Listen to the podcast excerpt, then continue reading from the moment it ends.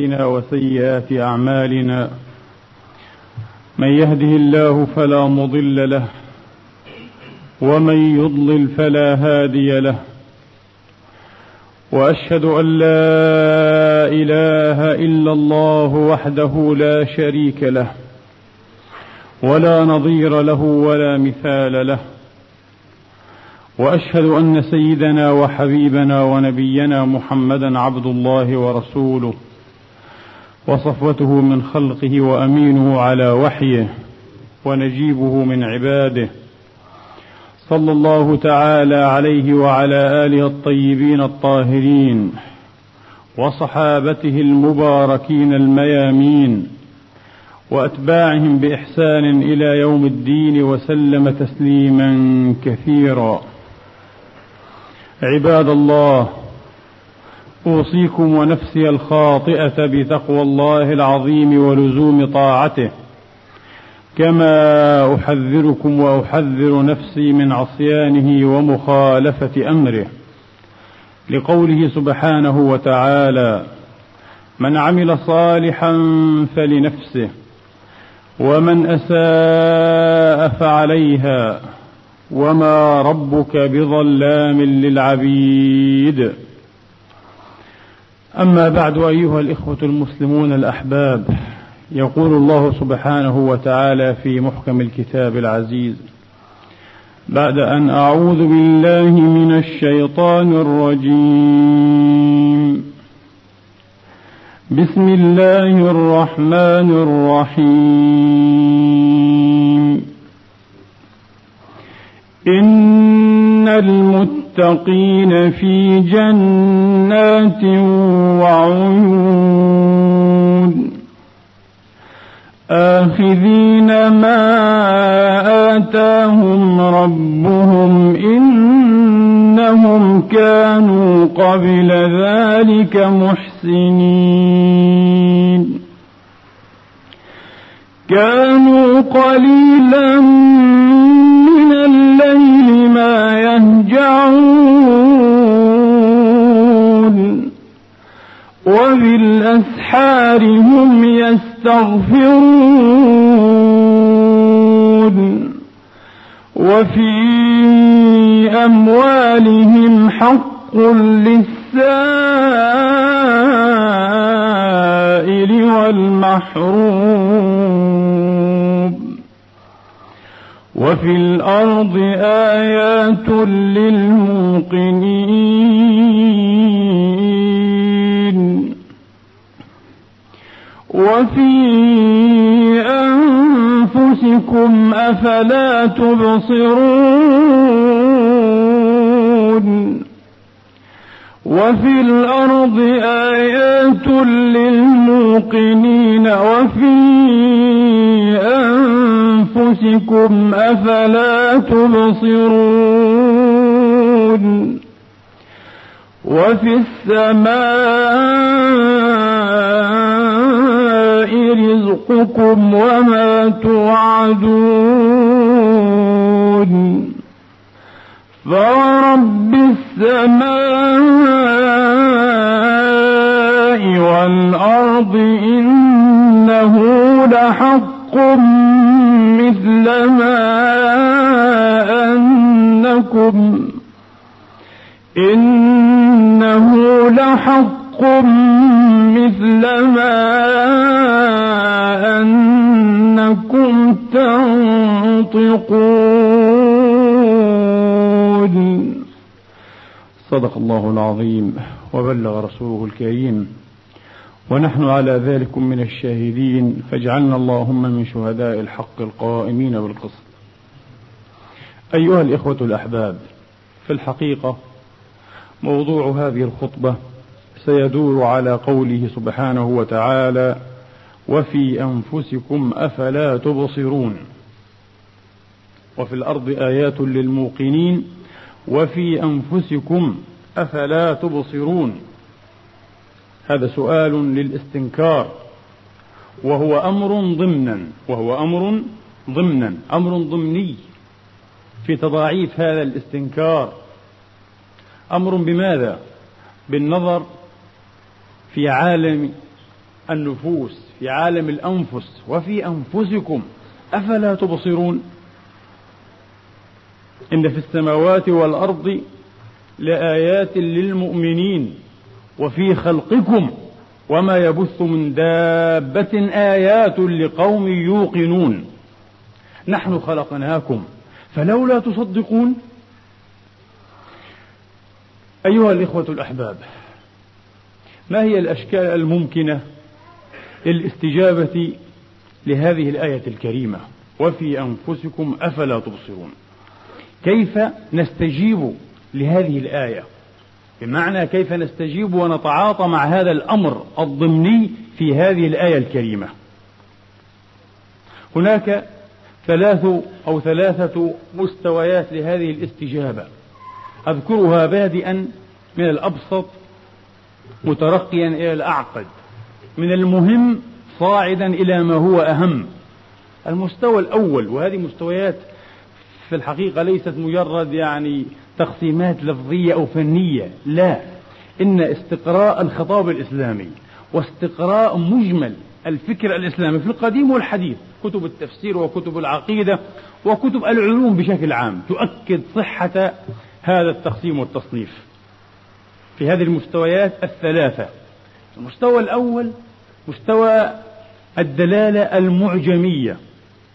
يأتي المفسر أو القارئ الذي يريد أن يفهم هذه الآية وفي أنفسكم أفلا تبصرون؟ يعود إلى المعجمات ما نسميه نحن بالقواميس. القاموس اسم لمعجم في الحقيقة وليس كل معجم قاموسا. نعود إلى المعجمات. نبحث عن كلمة نفس مادة نفس. ما هي النفس؟ ماذا قال فيها علماء اللغة؟ طبعا ماذا قال فيها العرب في الجاهلية؟ وليس العرب القرآنيين عرب الجاهلية. ماذا قالوا فيها؟ تحت مصطلح وتحت كلمة نفس. أفلا تبصرون؟ مادة بصر ما هو البصر؟ ما هو الاستبصار؟ ما هو البصيرة؟ فقط نقف عند الدلالة المعجمية. ويظن أن المسألة بذلكم أصبحت واضحة وأصبحت مفهومة. كثير من الناس يقنع بمثل هذا المسلك. في الحقيقة لا يتأدى إلى شيء كثير. هذا المسلك لا يتأدى إلى شيء كثير. ليس هناك ما يجدي كثيرا من جراء الاطلاع بأمثال هذا الأسلوب في البحث. هو مهم لكنه أقل الأساليب أهمية. هو الخطوة الأولى في طريق المعرفة. البحث عن الدلالة المعجمية الخطوة الأولى فقط في طريق لا نهاية له لا ينتهي. هذا الطريق لا ينتهي وسترون أنه حقا لا ينتهي. هذه الخطوة الأولى. لو وقفنا عندها معنى ذلك أن مشوار أو سبيل المعرفة قد تجمد بالكلية. توقف. لن نتقدم خطوة واحدة. المستوى الثاني مستوى تأملي. هو مستوى تأملي لكن في حدود المتاح من المعلومات والمعارف العامة التي يتداولها ويتناقلها عامة الناس. ما الذي نعرفه عن أنفسنا؟ عن أبداننا فقط. لا نتحدث فقط إيه؟ عن النفس كمفهوم ميتافيزيقي. البدن البدن الإنساني. وحين يقول تبارك وتعالى نحن خلقناكم فلولا تصدقون ففعل الخلق الإلهي واقع على الإنسان بدنا ونفسا أو بدنا وروحا. فما الذي نفهمه من تجليات من أسرار هذا الفعل الإلهي فعل الخلق في عالم الأبدان في عالم الجسوم في عالم الأبدان. الطبيب يفهم في ذلك كثيرا. لكن العام أو الفقيه ما الذي يفهمه في ذلك؟ أقل القليل. فهذا مستوى تأملي بسيط وساذج أيضا. يتعاطى مع المعلومات المتاحة لعامة الناس. ولا يعني ولا يتعب نفسه أن يذهب خطوات إلى أبعد. أن يذهب خطوات أبعد وأعمق. إذا هذا المستوى أيضا لا يكفي. جيد وربما له ثمرة لكن لا يكفي. المستوى الثالث وهو المستوى الذي يفضي بنا كما قلت إلى طريق لا تنتهي عند غاية لا تنقطع عند مقصد طريق مستمرة إلى أن يرث الله الأرض ومن عليها كيف؟ طريق البحث في حقائق الأشياء بأساليب البحث العلمية المحترمة والمعترف بها والمعترف بها إذا لكي أفهم مثل هذه الآية نحن خلقناكم فلولا تصدقون وفي أنفسكم أفلا تبصرون وفي خلقكم وما يبث من دابة آيات لقوم يوقنون وأمثال هذه الآيات وهي كثيرة. أولم يتفكروا في أنفسهم؟ الله يقول أولم يتفكروا في أنفسهم؟ أمثال هذه الآيات الكثيرة المباركة. ينبغي أن نعود إلى أصحاب الاختصاص إلى فريق أو نفر من الناس عكفوا وحصروا أنفسهم. في قراءة في قراءة مجال أو في قراءة تجليات أسماء الله الحسنى وصفاته العلى في عالم الخلق في عالم الخلق. بمعنى أن القرآن بهذه الطريقة يحيي فينا الدهشة المقدسة كما تسمى في لغة الفلسفة أو عند الفلاسفة. إنها دهشة مقدسة. هذه الدهشة هي بداية العلم بداية المعرفة. الطريقة يا إخواني التي نتعاطى بها مع الوجود ومع أنفسنا مع الأنفس ومع الآفاق على أن كل شيء مبتذل وكل شيء مفهوم وكل شيء محدد. طريقة بلهاء.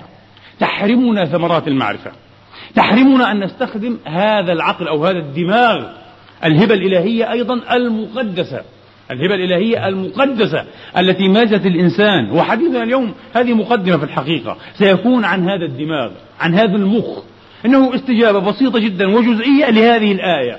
وفي أنفسكم أفلا تبصرون. وسترون عظمة الله. وسترون مبلغ النعمة والمنة التي من الله سبحانه وتعالى بها علينا. وكيف نكفر بهذه المنة؟ كيف نكفر بهذه المنة؟ ولا نؤدي حق الشكر. حق شكر الله سبحانه وتعالى على هذه المنة العظيمة. المهم القرآن يحيي فينا هذه الدهشة المقدسة. القرآن يحيي فينا الطفل السآل الذي لا يكف أبدا عن أن يسأل. إنه يحن معه علامات الاستفهام دوما. حيثما أضيئت ساحة وأصبحت مكشوفة ومفضوحة أمام سلطان العلم والمعرفة فإنه لا يكف عن أن يأخذ هذه العلامة ويضعها في ساحة أخرى مظلمة لما توضع بعده. وهكذا يستمر أو تستمر لعبة وضع علامات الاستفهام أبدا لأن المعرفة النهائية والمطلقة لا يمتلكها إلا الله تبارك وتعالى. والإنسان دائما لابد أن يبحث وأن ينقب باستمرار وأن يكون مندهشا وأن يكون سآلا. ليس من قبيل المصادفة والاتفاق أن يتساوى عدد الموارد يعني المرات عدد الموارد. التي وردت فيها لفظة العلم عفوا نعم لفظة العلم ومشتقاتها مضافا إليها لفظة المعرفة يعرفونه كما يعرفون أبنائهم إلى آخره لفظة المعرفة ومشتقاتها مع الموارد التي وردت فيها لفظة الإيمان. يعني علم زائد معرفة يساوي ماذا؟ إيمانا. نفس الموارد تقريبا ثمانمائة وإحدى عشر موردا. ثمانمائة وإحدى عشر ثمانمائة وإحدى عشر موردا وردت فيها كلمة الإيمان. في ثمانمائة وإحدى عشر موردا أيضا وردت لفظة العلم مضافا إليه لفظة المعرفة. كأن القرآن يريد أن يفهمنا أن هذا هو طريق الإيمان. هو لا يريد بطريق الإشارة لقد صرح في مواضع كثيرة. ويرى الذين أوتوا العلم الذي أنزل إليك من ربك هو الحق. فقط العلماء شهد الله أنه لا إله إلا هو. قائما بال... شهد الله أنه لا إله إلا هو آه. والملائكة قائما بالقسط والملائكة وأولو العلم قائما بالقسط ضم الله شهادة العلماء إلى ماذا؟ إلى شهادته سبحانه وتعالى وإلى شهادة الملائكة الله ثم الملائكة ثم أولو العلم قائما بالقسط لماذا؟ لأنهم هم الذين يكشفون عن العدل الإلهي في كل شيء حتى فيما تتناوله المعرفة النظرية. هناك عدل هائل. وهذا إن شاء الله سيكون موضوع إما خطبة أو محاضرة طويلة جدا. الكشف عن مظاهر العدل الإلهي في عالم الخلق. في عالم الخلق. ليس العدل الاجتماعي والعدل القضائي والعدل المعروف بلغة القانون. لا العدل في مستوى آخر تماما. وهناك أدلة وبراهين علمية مغرية ومعجبة. مغرية بتناول هكذا موضوعات. أيها الإخوة بعد هذه المقدمة ندخل إلى موضوعنا الرئيس إلى موضوعنا الرئيس.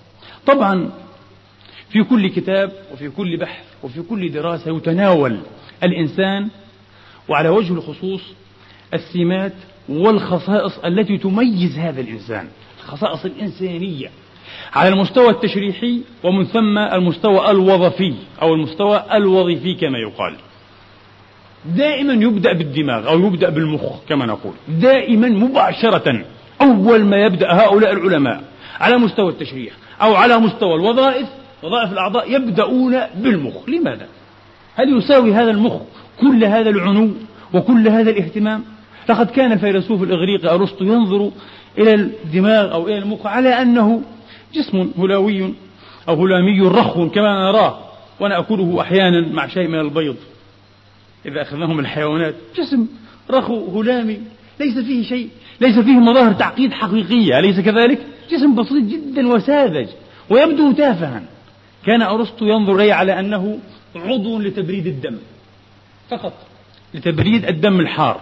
وأما العضو المسؤول عن العقل والدرك أو الإدراك يعني العقل مصدر يعقله عقلا آه، عن العقل والدرك فهو القلب. هذا الكلام أصبح الآن حديث حديث خرافة. أصبح حديث خرافة. لا يقام له وزن في المجامع العلمية. لا المخ المخ هو الذي يستحق كل هذا الاهتمام وهذا العنو. لماذا؟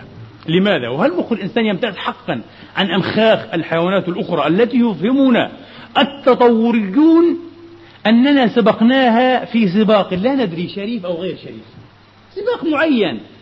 تسابق فيه الإنسان حين لم يكن إنسانا مع الأرانب والأفيال والغزلان والضفادع والفئران والقطط فسبقها. فارتقى وتسنم ذروة المملكة الحيوانية. ديزموند موريس أذكر له عبارة في كتاب The Naked Ape أو القرد العاري. أول شيء افتتح به كتابه يقول من بين 193 نوعا من السعادين والقردة. السعادين والقردة. يوجد نوع واحد هو النوع الثالث والتسعون بعد المئة عار من الشعر. ذلكم الذي ارتأى أن يسمي نفسه الإنسان. قرد ما القرود. نحن القرد رقم 193 فقط كل القردة التي قبلنا الأنواع هذه 192 نوع هي عارية من الشعر. نحن بلا شعر. هل هذا هو الإنسان؟ هل هذا الإنسان الذي كرمه الله؟ ولقد كرمنا بني آدم. هل هذا الإنسان الذي اطلع بحمل أمانة ناءت السماوات؟ بل أبت قبل أن تنوء أصلا لم تنوء. أبت وأشفقت من حملها السماوات والأراضون والجبال. هذا هو قرد عار لا أكثر. وقد توصل إلى مرحلة العري هذه من الشعر كما قلت في سباق تطوري شريف أو غير شريف نظيف أو غير نظيف. هذه قصة الإنسانية وهذه كرامة الإنسان. أو أبو العلاء المعري الذي يقول والذي حارت البرية فيه حيوان مستحدث من جمالي حيوان وأصله من مادة جامدة. خلاص هذه قصة الإنسان. انتهى كل شيء. كلا. العلم الآن يؤكد أن الإنسان أكبر من الكون. الإنسان أعقد من الكون. الإنسان مجرة بل مجرات بل كون متفجر بالطاقات والإمكانات.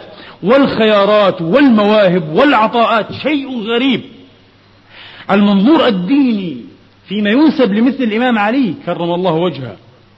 إن صحت هذه النسبة هو الذي يعبر عن حقيقة الإنسان والإنسانية. المنظور الديني وليس المنظور الفلسفي المحض ولا منظور الشعراء المتفلسفين كالمعري وغيره ولا منظور علماء التطور والأحياء أبدا. المنظور الديني الذي يؤكد وتحسب أنك جرم صغير لأنك صغير فقط.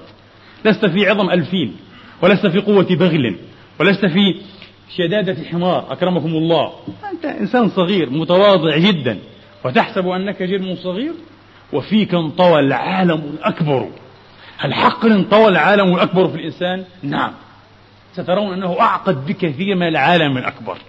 ولنبدأ الحكاية. هذا الجسم الرخو الهلامي الذي لا يزيد زينة عن 2% فقط من وزن الإنسان كله. 1375 جراما عند الرجل و1260 جراما عند المرأة بفارق 100 جرام في المخ وليس في الذكاء لا علاقة الوزن بالذكاء. يعني بعض الناس للأسف ولقد جاء مرة أحدهم ممن ينتمي يعني إيه إلى فئة العلماء وذكر أن الإسلام جعل شهادتين من شهادات النساء أو جعل شهادة المرأة يعني على نصف من شهادة الرجل فكل شهادتين أنثويتين بشهادة ذكورية يريد أن يبرر التشريع القرآني. فقال لأن العلم يقول دماغها أقل وزنا من دماغ الرجل بمئة جرام. ما علاقة هذا بالذكاء ما علاقة هذا بالشهادة. هذا كلام من لا يحسن شيئا من العلم أصلا العلم الحديث. يعني إيفان تورجينيف الأديب الروسي الشهير كان دماغه يزن قرابة 2300 جرام. أكثر من دماغ أي واحد فينا بألف جرام بالضعف تقريبا. وكان أديبا كبيرا وعبقريا. وأما الأديب الكبير والعبقري أيضا لا يقل عبقرية عن تورجينيف أناتول فرانس الفرنسي. فقد كان دماغه ألف تقريبا وعشرين. ينقص عنا نحن 300 جرام. 350 جراما. وكان أديبا عبقريا. لقد لاحظت في دماغ توماس إديسون المخترع الشهير آه أن له رأسا كبيرة جدا بلا شك تنطوي على دماغ كبير. وهذا معروف. حتى عندما كان صغيرا كان يقع من ثقلها. كان يقع يمشي فيقع. دماغ ضخمة ضخمة. أنتجت لنا 1500 اختراع علمي لكن ليس لأنها ضخمة. موضوع ثاني مختلف.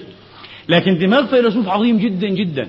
ومحيط موسوعي هذا الرجل. برتراند راسل كانت قريبا من إيه؟ من شمامة صغيرة أو من شمامة صغيرة. لكنه كان في لا علاقة لا علاقة إطلاقا بين الوزن وبين إيه؟ العبقرية والذكاء والتفكير الخلاق. Creative يعني thinking. لا توجد علاقة يا إخواني. المهم نعود. 2% فقط. لكن الله تبارك وتعالى الذي أبدع هذا الإنسان وصوره وقدره وأحسن تقديره شاء أن يحتاز هذا الدماغ 2% فقط. 2% أن يحتاز على 20% من الجلوكوز أو السكر الذي يستهلكه الجسم كله. الخمس يذهب مباشرة إلى الدماغ. خمس الأكسجين الذي يستهلكه الجسم كله للدماغ وأربعة أخماس لكل الجسم.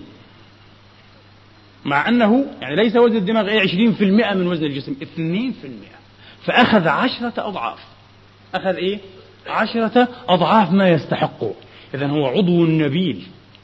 بالتأكيد أن له رسالة خطيرة وأن له دورا كبيرا بلا شك.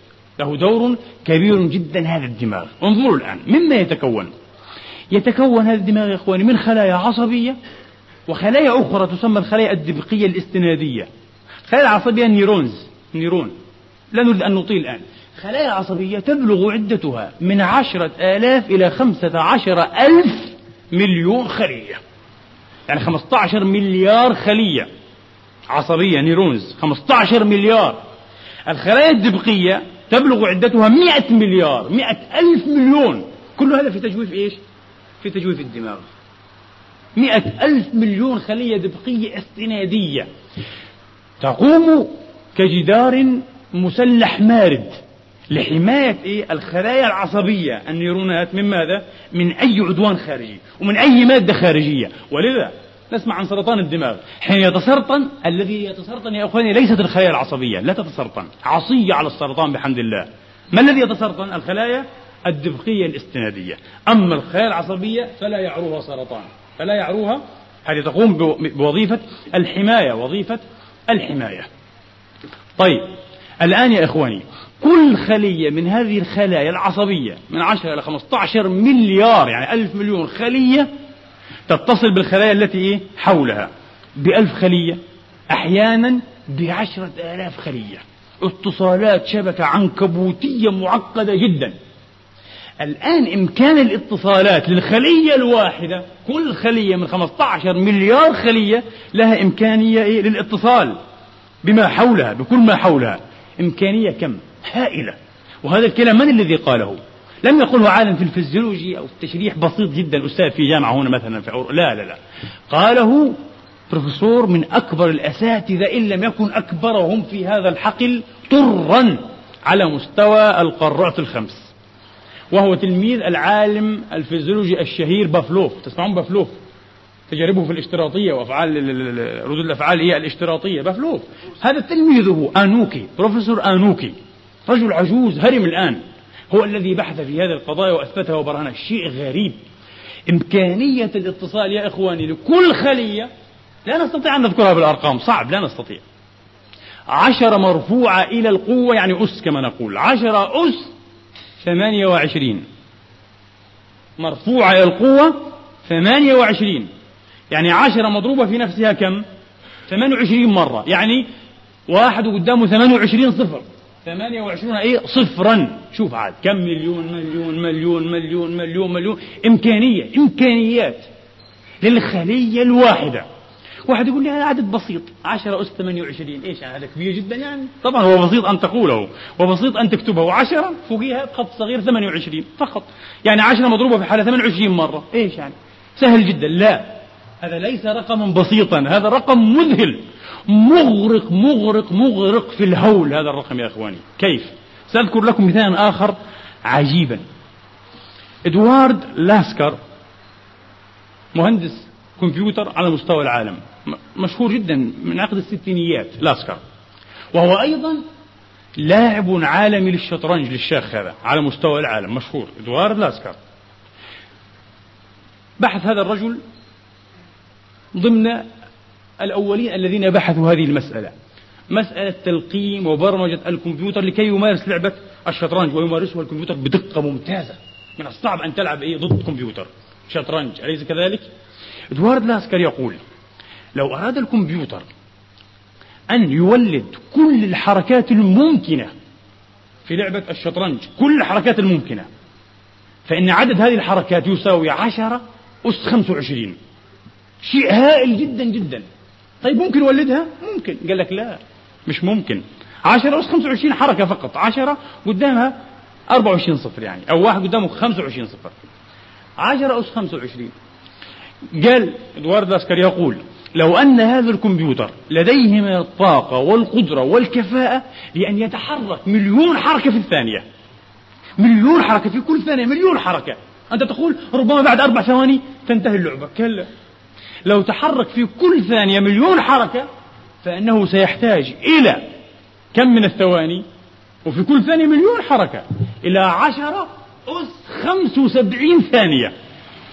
مرفوعة إلى القوة خمس وسبعين. عشرة أس خمس وسبعين ثانية. طيب إذا كم سيحتاج؟ نقول عشرة أس خمس وسبعين تقسيم عشرة أس ستة اللي هي مليون في كل ثانية. ما صحيح إذا عشرة أس خمس وسبعين ناقص ستة النتيجة عشرة أس تسعة وستين ثانية. يحتاج الكمبيوتر لكي يقوم بهذه الحركات عشرة أس خمسة وعشرين إلى كم؟ إلى عشرة أس تسعة وستين ثانية. واحد يقول يعني بخلصهم بعد يوم؟ ولا بعد ملايير السنين بعد ملايير. تعلمون لماذا؟ النظام الأرضي نظامنا الأرضي عمره أربعة آلاف ونصف مليون سنة يعني أربعة ونصف مليار. الكرة الأرضية والنظام الأرضي عمره أربعة ونصف مليار سنة. الأربعة ونصف مليار سنة تساوي كم؟ عشرة أس 18 فقط. ثانية بالثانية وليس بالسنين. يعني عشرة أس 18 ثانية ما فكرهاش شيء بسيط. عشرة أس 18 ثانية تساوي أربعة ونصف مليار سنة. طيب عشرة أس تسعة وستين. شيء مهول مخيف. الآن نعود لنرى ما هو أكثر هولا. ترى نفسك أيها الإنسان وماذا آتاك الله؟ وماذا و... وما هي القدرة؟ وما هو السر. أن يؤتى الإنسان هذه القدرة؟ قدرة جبارة فوق كونية. أكبر من الكون ذاته شيء مخيف يا إخواني. طيب كل خلية إمكانيات اتصالها زي ما قلنا إيه؟ عشرة أس ثمانية وعشرين. مش 18 18 عمر النظام الأرضي. 10 أس 28 10 أس 28 يساوي تماما عدد الذرات الأتومز. الذرات وليس الجزيئات المولكولز الذرات عدد الذرات في البنية الإنسانية. واحد يقول لي قديش عدد الذرات؟ 10 أس 28 قديش عدد ذرات جسمك يا إنسان؟ 10 أس 28 الخلية الواحدة النيرون في الدماغ في المخ لديها إمكانيات اتصال عشرة أس 28 بعدد ذرات الجسم. واحد يقول الآن فما هي إمكانيات الاتصال لعدد الخلايا مجتمعة بشكل علائقي بشكل ترابط كما يقول العلماء؟ شيء مخيف. حسب البروفيسور أنوكي ذلك فكانت الإمكانية ما فيش شيء نقوله. واحد أو عشرة أمامها أصفار أصفار أصفار أصفار أصفار بطول تسعة مليون كيلو متر لا إله إلا الله. تسعة مليون كيلو متر أصفار. هذه إمكانيات الاتصال للدماغ البشري. أليس حمقا واستحماقا للناس؟ ومزيد أليس مزيدا من الغرور والانتفاج الإنساني والتأله الكاذب الذي لا معنى له حين يشبه الدماغ بالكمبيوتر؟ يقول لك عنده دماغ كمبيوتر. كمبيوتر ماذا؟ الكمبيوتر لعبة أطفال أضخم كمبيوتر سيخترع كمان ولو بعد مئة سنة سيغدو لعبة أطفال أمام الدماغ البشري. واحد يقول بس ولكن الكمبيوتر أذكى مني. يفعل أشياء لا أستطيع أن أفعلها. لأنك لم تتعلم كيف تفعل.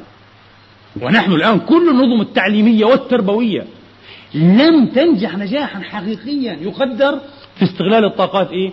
الكامنة في الدماغ الإنساني. إنه مجرة. إنه كون متفجر بالصلات والخيارات وال... شيء غريب يا إخواني. لكي أقرب لكم هذه الحقيقة المهولة عشرة قدامها أصفار إلى تسعة مليون كيلو متر أصفار. قديش الكيلومتر بأخذ أصفار؟ تسعة مليون كيلومتر. حط أصفار أصفار أصفار. إمكانيات الاتصال في الدماغ الإنساني. وبعد ذلك يقول لك الله نحن خلقناكم فلولا تصدقون. حاولوا أن تصدقوا وجربوا أن تؤمنوا. القضية خطرة لأن الأغبياء يراهنون على غبائنا. الأغبياء الملاحدة في كل العالم يراهنون على غباء الجماهير على غباء الناس العاديين ولك صدفة صدفة. أقرأ حاليا في كتاب بروفيسور روسي كبير في علم السبرنت تفسر لنا شيئا. يا إخواني لا تفسر لنا شيئا. الصدفة دالة لجهلنا بلغة الرياضيات. function للجهل الإنساني. دالة لمقدار الجهل الإنساني. عمر الكون وليس الأرض. وهو تقريبا حاليا ثبت يعني بوجه تقريبا أنه إيه؟ 12 ألف 12 ألف مليون سنة. يعني 12 مليار أو بالأمريكي بليون بسموها.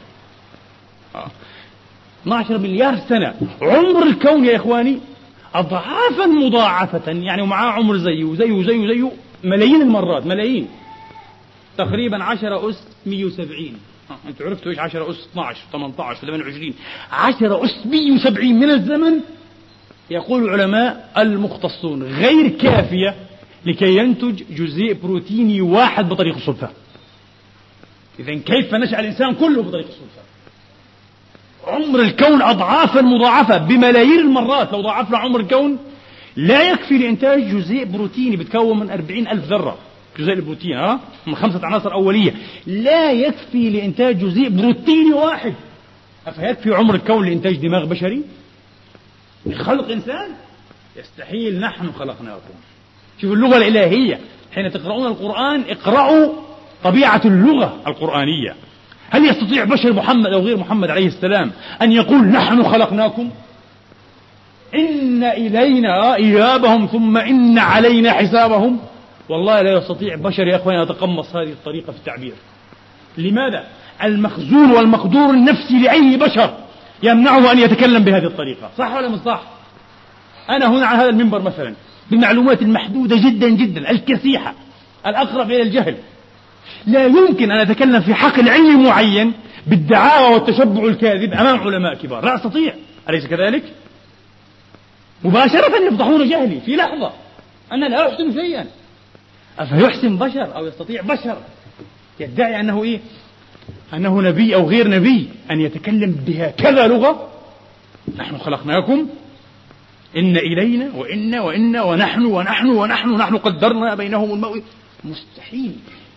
نفسيا على المستوى النفسي السيكولوجي لا يستطيع بشر أن يتقمص هذه اللغة ولم يحدث. يمكن البشر أن يقول أنا إله. أنا خلقت. لكن أنا أتحدث حديثا طويلا عبر 114 سورة في كتاب عظيم بهذه اللغة. الكونية بل فوق الكونية لغة فوق كونية. هي حاكمة على الكون بكل ما فيه. لا يستطيع ذلك سيكولوجيا أي بشر من البشر. وهذا موضوع أو هذا يعني عفوا يعني مبحث من مباحث الإعجاز لابد أن يبحث جيدا. لم يبحث للأسف. في كل مباحث الإعجاز تاريخيا لابد أن يبحث. وأن يدرس في المستوى النفسي. أن يدرس إعجاز القرآن في المستوى النفسي للغة المعبرة اللغة القائلة. أو للدلولات كما يقول علماء السمنطيقة وغيرهم. نعود إلى ما كنا فيه يا إخواني. لكي نقرب لكم هذه الفكرة المهولة. الآن. لا لن أتحدث عن الجهاز الدوري والجهاز الهضمي والجهاز الهرموني. أجهزة معقدة كبيرة. الجلد فقط.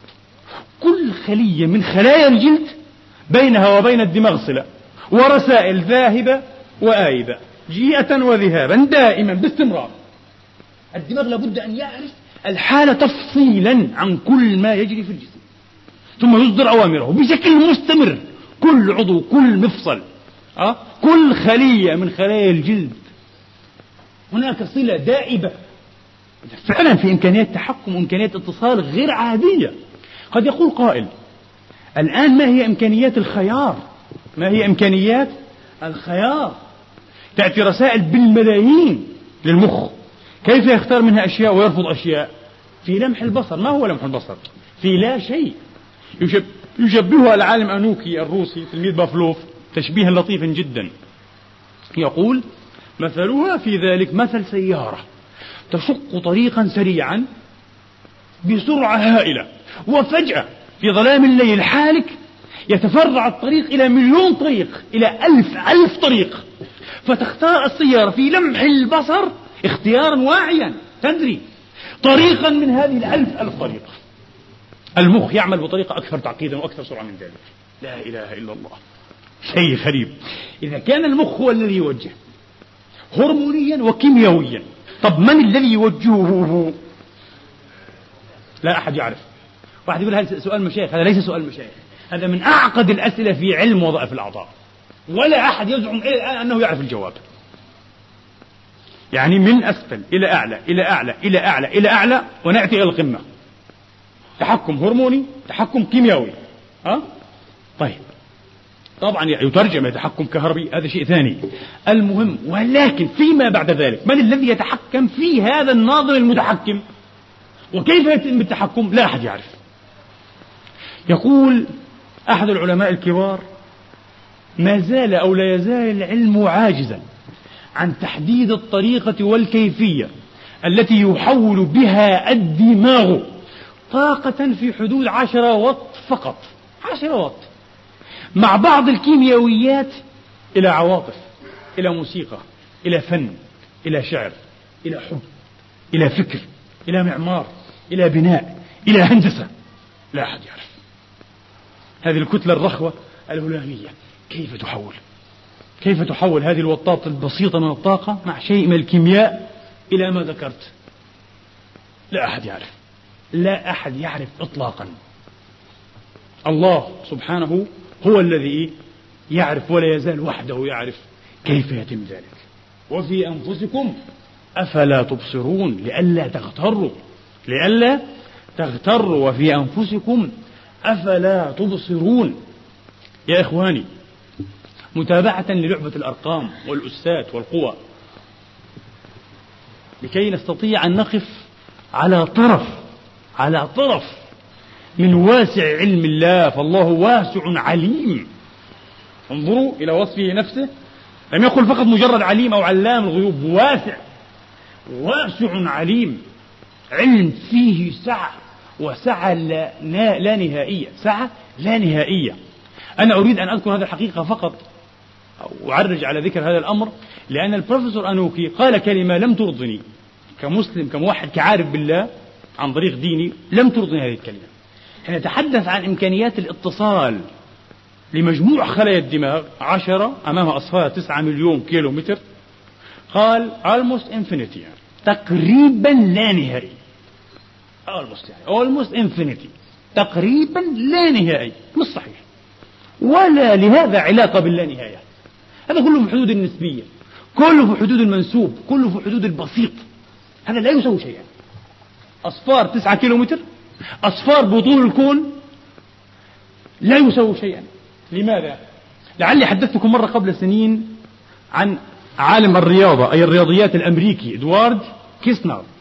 إدوارد كيسنر جلس مرة إلى ابن أخيه الذي يبلغ من العمر تسعة سنوات تسعة سنوات. وقال له يا بني أريدك أن تخترع لي لفظا لعدد كبير كبير. قال ما هو؟ قال الرقم عشرة مرفوعا إلى القوة مئة. يعني عشرة مضروبة في نفسها مئة مرة يعني واحد قدامه مئة صفر. قال له جوجول G double O googol قال خلاص فلنسميه جوجولا. هذا هو الجوجول هذا هو الجوجول عشرة مرفوعة الأس كم؟ مئة. طبعا شيء رهيب. إحنا شفنا عشرة إلى أس 28 عشرة أس 75 الكمبيوتر آه والمليون حركة. شيء رهيب. عشرة أس كم يا إخواني؟ طيب. عشان تعرف ما هو الجوجول وبعدين تعرف ما هو الجوجول بليكس عاد. في لغة الرياضيات الكون. كسمس هذا الكون. كل الكون. آه بس القابل للعيان. حتى نكون صادقين وعلميين. هكذا قال بروفيسور ساجان. الكون القابل للعيان. لو أحصينا كل ما فيه من جسيمات يعني من protons و electrons و neutrons كل الجسيمات الدقيقة في الكون مش في الأرض في الكون. القابل للعيان كم تأتي عدتها؟ مش ذرات جسيمات أولية تعرفينها بتكون الذرات. يعني أشياء لا نهائية بالصغر. قال لك عشرة أس ثمانين لا تبلغ كل جسيمات الكون القابل للعيان الذرية جوجولا لا تبلغ. طبعا واحد يقول لي في فرق بين 10 أس 80 و 81 كبير جدا جدا. فرق لا تتخيل. بين 80 و 81 كل من يعرف الرياضة وعنده حس رياضي يعرف ما هو الفرق بين 10 أس 80 و 10 إيش؟ أس 81 طب 10 أس 100 فرق معناها إيه؟ رهيب جدا. مهول لا نستطيع أن نصفه نحن نؤكد على مهول على رهيب على عجيب على غريب. كلمات لا تفي لا تعني شيئا. إذا كل هذه الجزيئات الذرية لا تساوي جوجولا. يقول بروفيسور ساجان في كتابه الأشهر كوسموس أو الكون يقول ولو افترضنا أننا رصصنا الكون كله بجسيمات دقيقة كالنيوترون كل الكون بحيث لا يبقى فراغ في هذا الكون كل نيوترون كم عدد هذه النيوترونات في الكون؟ فقط عشرة أس 128 أكثر من جوجول ها أكثر من جوجول بكثير طبعا. أس 100 لا هذا أس 128 فما هو الجوجول بليكس؟ الجوجول بليكس يا إخواني عشرة مرفوعة إلى الأس أو القوة إيش؟ جوجول مش معناها عشرة قدامها 100 صفر لا. عشرة مضروبة في نفسها جوجول مرة. يعني قدامها جوجول صفر مش 100 صفر. قدامها جوجول صفر. لما أقول عشرة قدامها مليار صفر يعني مليار صفر. هذه مش مليار صفر جوجول صفر. شيء رهيب. بالتأكيد طبعا ليس في كل الكون شيء إيش يمكن أن يعد بالإيه بالجوجول بليكس. مستحيل. إذا كان كل الكون مرصوصا بال neutrons هو 10 أس 128 إذا لا يوجد في الكون. الآن انظروا عاد إيه إلى ما يقوله علماء الرياضة الرياضيات. يقولون ما هي علاقة الجوجول بليكس باللانهاية الله هو اللانهائي الله هو المطلق. الله هو اللامحدود لا إله إلا هو. ليس لعلمه ولا لقدرته ولا لأسماء وصفاته حد تنتهي عندها أبدا. علاقة الجوجول بليكس إلى اللانهاية قربها وبعدها تماما كعلاقة رقم واحد. نفس الشيء. لماذا؟ لأن اللانهاية لا نهاية. مهما أخذت منها مهما قست إليها مهما اقتربت منها تكون مثلك مثل الواحد نفس الشيء. الواحد هكذا يقول علماء الرياضة. الواحد علاقته قربا قربا وبعدا من اللانهاية مثل علاقة الجوجل بيكس أو علاقة هذا مثل علاقة الواحد بلا فرق. وهنا تذكرون حديث ابن عباس في البخاري وغيره حديث موسى والخضر عليه السلام. وفي قصة موسى والخضر عبر وأي عبر هنا يكفينا فقط عشان نتحدث عن موضوع الدماغ والعقل. أن نشير إلى هذا الحرص إلى هذا الحرص الكريم إلى هذا الحرص الكريم. حرص موسى عليه السلام على أن يتعلم على أن يعرف. هناك بشر هناك إنسان واحد فقط. جزاك الله خيرا. إنسان أعلم من موسى. هكذا قال الله تبارك وتعالى. موسى حين علم أن هناك من هو أعلم منه قال لا أبرح حتى أبلغ مجمع البحرين أو أمضي حقبا سأسافر الزمن كله حتى ألتقي الخضر وأتعلم منه الله أكبر. هذا هو الحرص المقدس على العلم. وهو نبي كليم من أولي العزم الخمسة من الرسل. هنا يا إخواني سأتساءل. سأتساءل المهم الشاهد هو إيه؟ حين نقرأ إيه؟ العصفور من البحر نقرأ. فقال الخضر لموسى ما نقص علمي وعلمك من علم الله. قديش الله أعطانا من علمه يعني؟ طبعا هذه في هنا في يعني أسرار بلاغية لا نطول بذكرها. في الحقيقة لم ينقص علمهما من علم الله شيئا. والتعبير بالنقص لمغزى بلاغي المهم ما نقص علمي وعلمك من علم الله إلا كما نقص هذا العصفور من ماء البحر. هذا معنى كلامنا. جوجول بليكس مثل الواحد في البعد والقرب من اللانهايه نفس الشيء. وعند الله إذا أردت ها باعتبار فقط بهذا الاعتبار عند الله أعظم عالم وأجهل الجاهل. عند الله نفس الشيء. ما في. ما تقوليش أنا عالم. فوق كل ذي علم عليم. ما تقوليش علم علم علم, علم كثير والناس في جهل عميق. نفس الشيء. عند الله نفس الشيء. فقط التفاوت بالأجر والكرامة يكرمك أكثر. لأنه يحب العلم. الله ويقدس العلم. ويدعونا إلى أن نتعلم لكي نعرفه أعمق وأبعد وأحسن. فقط. لكن هو لا إله إلا هو هو بذاته.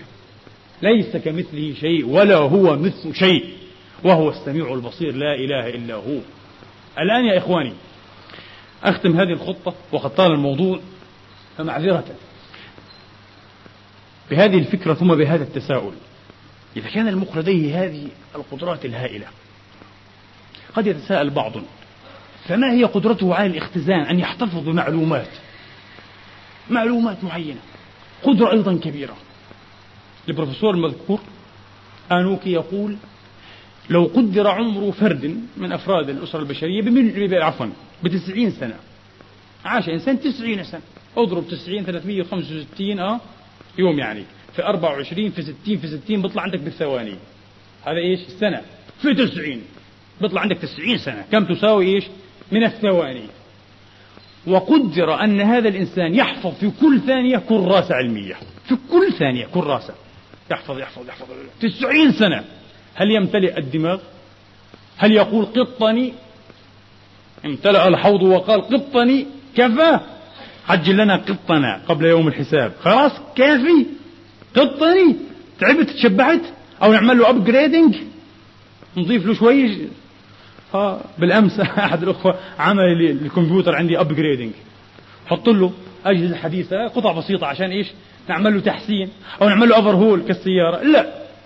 تسعون سنة من غير upgrading المخ يستطيع أن يستوعب في كل ثانية كراسه علمية يحفظها ويهضمها ويبقى فيه سعة كبيرة جدا. يقول هات هل من مزيد؟ الله أكبر. طب لما؟ لما أعطانا الله كل هذه السعة كل هذه القدرة لكي نستغلها بحشو أدمغتنا؟ بأسماء الفنانين والفنانات والممثلين ولاعبي الكرة وأنواع الأكل وأنواع ما أعرف إيه وتفاهات الدنيا يا إخواني هل هذا ممكن؟ هل هذا مبرر عند الله؟ هكذا نشكر نعمة الله علينا؟ الغريب أن العلماء وهذا مظهر من مظاهر العدل الإلهي الله أعطى الجميع ساعة واحدة تقريبا تقريبا العلماء الإخصائيون في هذه المسائل قالوا إن حجم أو كم المعلومات المختزنة لدى العقلاء العاديين من الناس جميعا على اختلافهم من بروفيسور إلى كناس إلى بواب واحدة. نفس العدد. هذا عنده خمسين مثلا بليون بليون معلومة وهذا عنده نفس الشيء. بس هذا ما شاء الله معلومات منظمة في حقل من حقول المعرفة. حافظ كتاب الله حافظ أحاديث حافظ شعر حافظ علوم حافظ أرقام حافظ أشياء. وهذا حافظ ما ذكرت لكم. واحد بيقعد في زنبان بدل ما يطلع مصحف يقرأ. أو يرجع له مثلا شيء حافظه أو يقرأ في كتاب علمي أو كتاب أدبي أو تاريخي بيقعد يطلع في الناس. هذا طويل وهذا قصير وهذه حلوة وهذه مالحة وهذه بشعة وهذه كذا. وكم شباك عنده اشتراك زنبان وهذا حديد ولا خشب وهذا وقت لدينا فائض وقت. هكذا فائض الوقت في أي أمة يا إخواني أو في أي شخص متخلف بدائي يتأدى إلى العدم. يتسرب كما يتسرب الماء من ساقية خربة. لأنه فائض وقت فائض وقت. كل ما نحفظه من معلومات جهلاء وعلماء عباقرة ونبغاء وتافهون من الناس بنفس الحجم ونفس العدد. هنا تأتي الشخصية لكي تحدد الدور الذي يتبرر به هذا الاختلاف. اختلاف ماذا؟ الاختلاف في نوع المعلومات المخزونة. حسب الشخصية حسب المزاج حسب الفضول حسب الرغبة حسب الاهتمام إن شكر الله تبارك وتعالى على هذه النعمة يا إخواني. لا يكون إلا بمزيد من ماذا؟ البحث والعلم والدرس والفهم والفكر المبدع الخلاق. إن الناس يا أحبابي يعيشون عالما لا تفوت فيه عالما متواطئا قريبا من بعضه عالما نمطيا من الألوان والظلال والصور والأفكار والمعاني. فقط هم الخلاقون المبدعون الذين يفكرون هامشا استثنائيا. أي إنسان عنده الفكر الخلاق سموه كرتيف ثينكينج فكر خلاق لا. لا يريد أن يعيش وأن يفكر وأن يفهم كما يفهم الناس. باستمرار ينصب لنفسه الشباك. ينصب لنفسه علامات استفهام جديدة. يأخذ الأعقد من المواضيع. يحاول أن يبحث في الأعقد من المفاهيم. وباستمرار يطرح جديدا. ويأتي بجديد وهذا هو تعريف الشخص الخلاق في علم النفس. الأغرب من ذلك أن الشخص الخلاق ليس شرطا أن يكون من الأذكياء جدا وقد يكون لديه فقط الحد الأدنى من الذكاء إلا أنه خلاق. واقرأوا كتب الإبداع. اقرأوا هذا بحث في علم النفس. قد يكون لديه الحد الأدنى من الذكاء. لكنه خلاق. لماذا؟ لأنه يسعى بجد ويحاول أن يواجه الصعوبات. هذه يا أحبابي ميزة إنسانية فريدة. ميزة إنسانية فريدة كيف؟ يقول بيتر فارب مجتمعات الشمبانزي منذ آلاف إن لم يكن عشرات أو مئات أو ملايين السنين مجتمعات الشمبانزي لا تزال تعاني وتواجه نفس المشاكل التي عانت منها وواجهها, وواجهها أسلافها عانى منها وواجهها أسلافها مشاكل ماذا؟ الطعام والشراب والجنس والتفاعل مع أعضاء المجموعة هذه مشاكل عالم الشمبانزي من آلاف السنين. نفس المشاكل. لماذا؟ لأن الشمبانزي لا يمكن أن يولد نفسه مشاكل جديدة ويبحث لها عن حل. فيش. فيش خلاقية فيش إبداع. الإنسان وحده هو الذي يخلق لنفسه مشاكل جديدة باستمرار. فضولا جديدا باستمرار. يحاول أن يشبعه. فلا بد أن نحيي وأن نحيي هذه الخلاقية وهذه القدرة الإبداعية فينا يا أحبابي. ونحن على ذلك ما استعنا بالله قادرون والأحسن إن لم نقدر على الأقل أن نعود أبنائنا إيه على أن يحيوا وأن ينموا في أنفسهم هذه القدرة لأننا أمة تحتاج إلى مزيد من إيه؟ من وعي ومزيد من عقل. قبل أيام سمعت عالما مصريا فاضلا قال كلمة آلمتني فكرت فيها فوجدت فيها شطرا كبيرا من الحقيقة. قال إذا كان كانت الحضارة الغربية تعيش بنصف مخ وهذا ذكرناه في خطبة قبل سنين. إحنا تحدثنا عن المخ الرمزي والمخ إيه؟ المنطقي ال logical mind أو العقل يعني وال metaphoric mind. لأن الحضارة الغربية هي حضارة النصف إيش؟ الأيسر من الدماغ. حضارة تعيش بنصف مخ. المخ الأيمن مخ الإبداع الحدس الفن الإلهام الاستبصار معطل في الحضارة الغربية. هم يعترفون بذلك.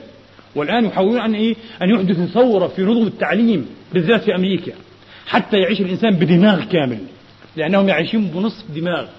وهنا يعني ذكرنا في الخطبة قبل سنين معنى جديد لقوله تعالى وأصحاب اليمين إيه؟ ما أصحاب اليمين.